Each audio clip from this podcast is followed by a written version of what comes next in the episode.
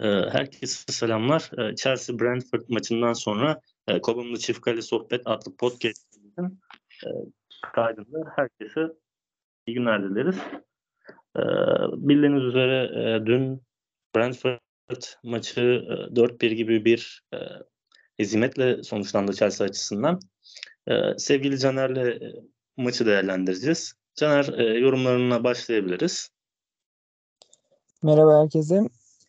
Evet bizim için çok kötü bir e, sonuç oldu. Özellikle Real Madrid maçı öncesi e, taraftarlar açısından en azından e, bir olumsuz havaya kapıldık gibi.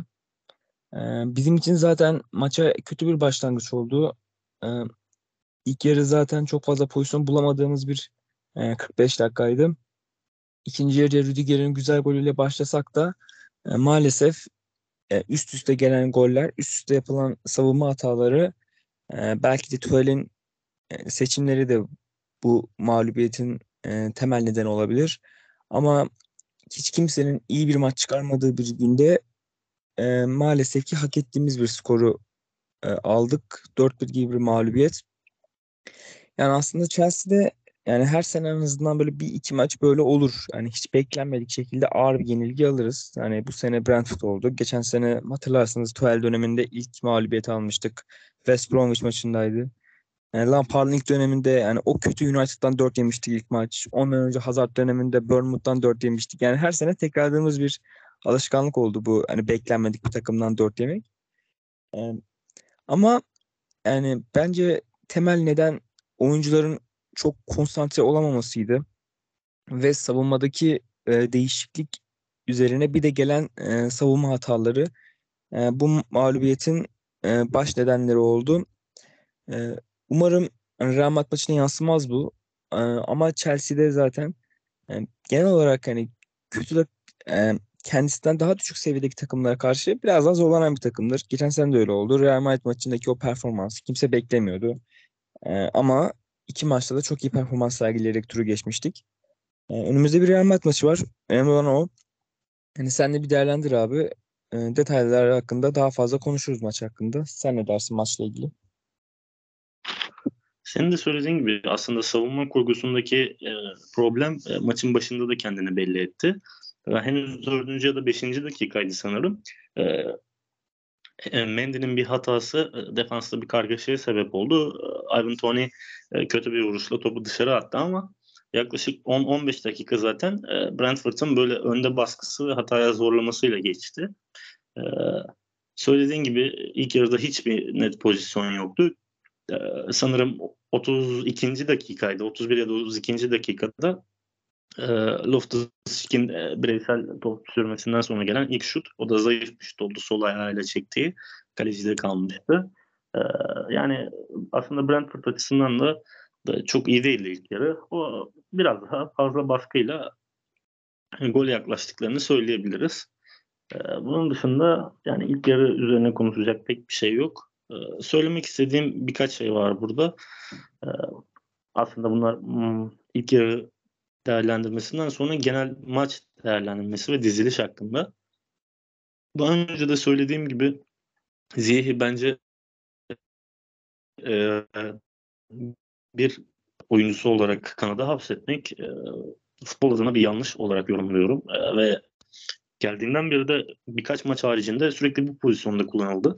Ziyeh e, topu topla yetenekli fakat dribbling özellikleri bu kadar başarılı olmayan bir oyuncuyken onu sürekli açıkta tutmak e, karşısına ikili e, ikili savunma yani sol bek ve bir orta saha oyuncusunun yardımı ya da stoper yardımıyla çok rahat kitlenmesine sebep olabiliyor. Söylediğim gibi ben zihin orada kullanılmasından son derece rahatsızım. E, bu şekilde efektif bir e, katkı almaktan uzak kalıyoruz. E, bunun yanı sıra e, Loftus-Cheek'in de arkada derinde kullanılması e, bence onun da yeteneklerinin körelmesine sebep oluyor. Ki söylediğim gibi 32. dakikada çektiği şut aslında onun e, hücuma yakın olduğunda yapabileceği şeyleri gösteriyor. Loftus-Cheek'i e, arkada top çıkartan oyuncu olarak kullanmak biraz söylediğim gibi yeteneklerinin ortaya çıkmasında problem olarak karşımıza çıkıyor ki milli takım dönüşüydü. Jorginho yoktu. Kovacic yedekti. E, bunlar anlaşılabilir. Fakat e, bu hatada ısrar etmek bence e, büyük bir problem. Bunun yanı sıra e, dün Mason Mount için de güzel bir maç değildi ki aynı zamanda söylediğim e, hatalı konumlandırmalardan birisi de Mount için geçerli. Onu da 4-3-3'ün o ikinci üçünde yani e, özür dilerim ilk üçünde kullanmak 4-3-3'ün ilk üçü yani orta sahanın iç bölgesinde kullanmak onun da efektif olmasını e, engelleyen bir problem ki bence onun e, Plus için olduğu mevkide ya da Werner'in dün oynadığı mevkide kullanılması yani 4-3-3'ün ön üçündeki e, kişi olması gerekiyor. Bu şekilde orta saha kurgusu e, çok yumuşak kaldı ve e, Brentford gibi atlet bir takıma karşı kolay orta saha geçişlerinin yaşanmasına sebep oldu. Bence maçın e, çözüldüğü yerde orta sahadaki yumuşaklıktı. E, söylediğim gibi çok Brentford çok atlet bir takım. E, hızlı geçiş oyunları yapabiliyorlar ve orta sahanızı delebilecek oyunculara sahipler. Ki bunda Ivan Toney'nin aldığı toplarla kat ettiği mesafeler önemli bir etken. Bunun yanı sıra ikinci yarıda güzel bir golle açıldı maç ki beklenmeyen bir şeydi. Böyle bir gol çıkması bence ama maçı da çöze, çözebilecek olan tek şey uzaktan bir goldü. Hani beklenmiyor derken aslında biraz çelişki var burada ama ben öyle düşünmüştüm. Yani bu maçı uzaktan bir şut belki çözebilirdi. Fakat ondan sonra e, üst üste gelen goller, seri goller, hatalar e, maçın dörde gitmesine sebep oldu ki ikinci golden sonra yani Eriksen'in attığı golden sonra bence maç e, tamamen kopmuştu. Oyuncular da bunu e, o sahadaki duruşlarıyla belli ettiler. E, bir parantezde Lukaku'yu açmak lazım. Yine girdiği oyunda, sonradan girdiği oyunda hiçbir şey veremedi diye düşünüyorum. Yani varlığıyla yokluğuyla bir de. Belki Chelsea'nin 10 kişi kaldığını bile söylemek abartı olmaz. Yani söyleyebileceğim pek fazla bir şey yok bu mağlubiyet üzerine. Brentford'u tebrik etmek lazım. Ee, iyi bir taktik çalışmayla diyelim doğru kelimeyi aradım. Taktik çalışmayla ve e, zaaflardan yararlanarak skoru açmayı bildiler. Söylediğimiz gibi orta sahadaki yumuşaklık ve geçirgenlik e, bek oyuncularından yeterli e, direncin sağlanamaması ki bunu her zaman söylüyoruz. Alonso ve Aspilicueta bu özellikle oyuncular değil. Sertliği ve takıma dinamizmi katabilecek oyuncular değil ki yaşları da oldukça ilerledi. Bundan sonraki maç e, daha büyük bir sıkıntı. Real Madrid gibi daha usta ayaklara sahip takımlar e, bunları değerlendirebilir. Bunların e, dikkat edilmesi gereken bazı özellikler olduğunu düşünüyorum. Caner sen de genel bir değerlendirme yaptıktan sonra devam ederiz. Yani genel değerlendirme yapmıştım. Biraz daha ince detaylara inecek olursak ben bundan bir önceki podcast bölümümüzde Gürkan abi de vardı Twitter'dan yapmıştık.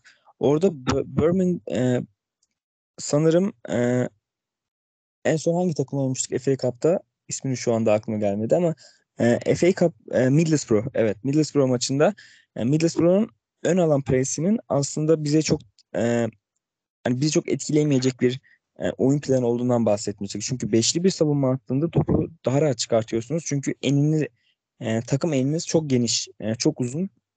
Ama işte dörtlü savunmaya geçince e, ve bir de dün e, o dörtlü savunmanın önünde bir Jorginho olmayınca ve Brentford'un müthiş baskısı dediğin gibi fizik olarak dün tamamen çok üstündüler bize.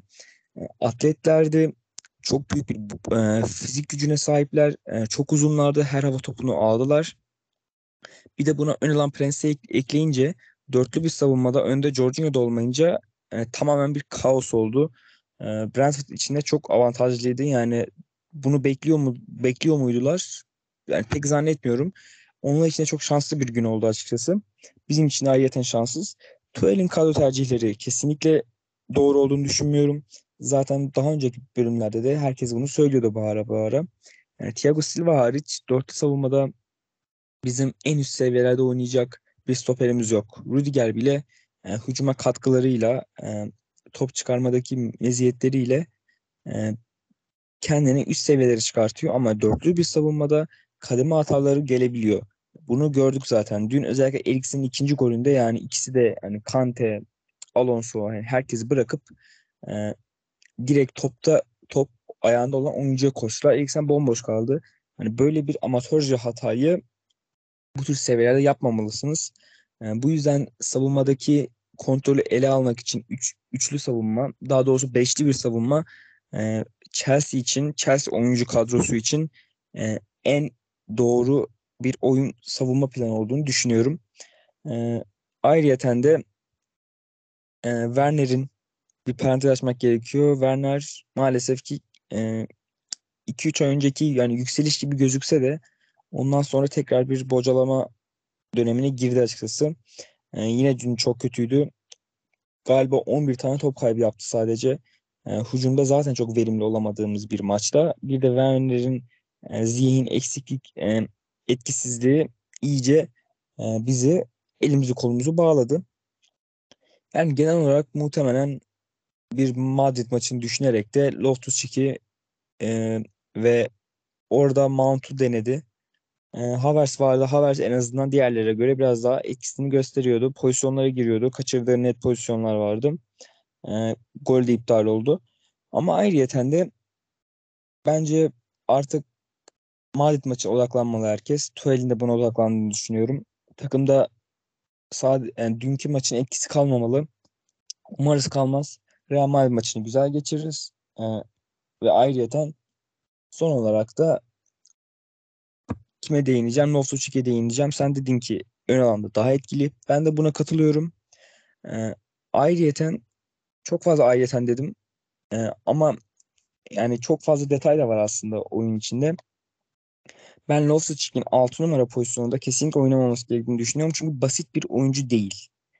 Topu aldığında adam eksiltmeye çalışan ve bunu yapamadığı zaman da bize çok büyük bir tehlike yaratacak bir oyuncu. Yani bir canlı bomba e, gibi görülüyor. Yani bunun o kesinlikle olmaması gerektiğini düşünüyorum. Tuval'de fark etmiştir. iki maçtır böyle.